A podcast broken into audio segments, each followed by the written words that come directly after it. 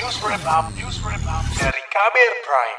Saudara, tahun ini pemerintah meluncurkan program pelaksanaan rekomendasi penyelesaian kasus pelanggaran HAM berat secara non-yudisial. Upaya ini menuai banyak kritik di masyarakat karena terkesan mengabaikan penyelesaian secara hukum. Sejauh mana upaya pemerintah menyelesaikan kasus-kasus pelanggaran HAM? Berikut laporan khas KBR disusun Agus Lukman.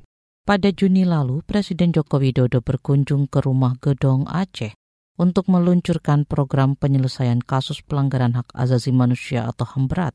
Kasus pelanggaran HAM berat akan diselesaikan secara non-yudisial atau di luar jalur pengadilan. Jokowi mengatakan program ini merupakan langkah awal untuk menyelesaikan kasus pelanggaran HAM di Indonesia. Dia memastikan penyelesaian secara hukum atau yudisial tetap bisa dijalankan jika terdapat bukti yang cukup. Langkah yudisial itu apabila bukti-buktinya kuat, Komnas HAM menyampaikan ke Jaksaan Agung, kemudian juga ada persetujuan dari DPR, berarti bisa berjalan. Ya, saya kira dua-duanya bisa berjalan, tetapi kita ingin yang non yudisial dulu yang bisa bergerak kita langsung selesaikan. Ya.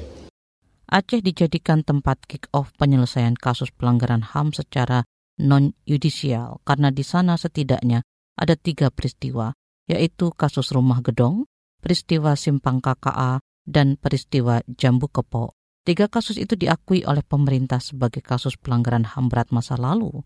Ada 12 kasus pelanggaran HAM yang masuk dalam agenda penyelesaian pemerintah melalui jalur non-yudisial sesuai instruksi Presiden nomor 2 tahun 2023. Menteri Koordinator Politik Hukum dan Keamanan Mahfud MD mengatakan, pemerintah akan berusaha memulihkan dan memenuhi hak-hak korban pelanggaran HAM secara adil dan bijak. Pelaksanaannya akan dilakukan oleh tim penyelesaian non-yudisial pelanggaran HAM berat masa lalu atau tim PP HAM.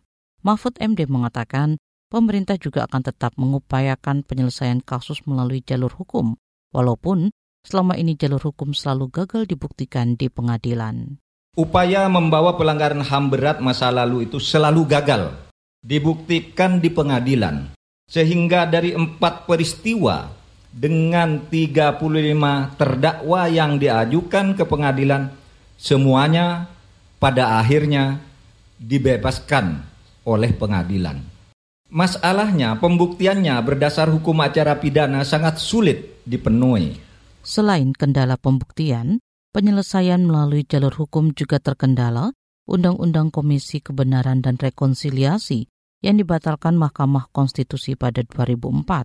Karena itu Menko Polhukam Mahfud MD mengatakan, daripada berdiam diri, pemerintah mengambil langkah non-yudisial.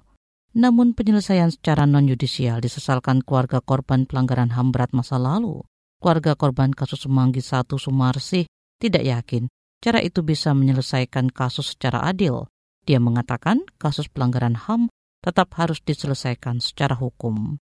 Saya tidak percaya bahwa Presiden Jokowi ini akan menyelesaikan kasus-kasus pelanggaran HAM berat secara berkeadilan. Karena apa? Hasil PPHAM itu ternyata penulisan ulang sejarah itu tidak ada hilang, hilang. Kemudian pemerintah akan memberikan bantuan sosial kepada korban keluarga korban dan ahli warisnya akan memberikan bantuan. Kalau menurut saya, nyawa anak saya, saya tidak rela kalau diganti dengan materi. Kalangan masyarakat sipil juga mengkritik upaya pemerintah menyelesaikan kasus HAM lewat jalur non-yudisial. Yayasan Lembaga Bantuan Hukum YLBHI menilai janji pemerintah itu hanya pencitraan dan minim kenyataan. Sementara itu LSM Kontras menilai pemerintah tidak menyentuh pokok masalah dalam menyelesaikan kasus HAM secara non-yudisial. Ini terlihat dari upaya pemerintah membujuk para eksil atau warga Indonesia yang terpaksa pergi ke luar negeri karena peristiwa 1965.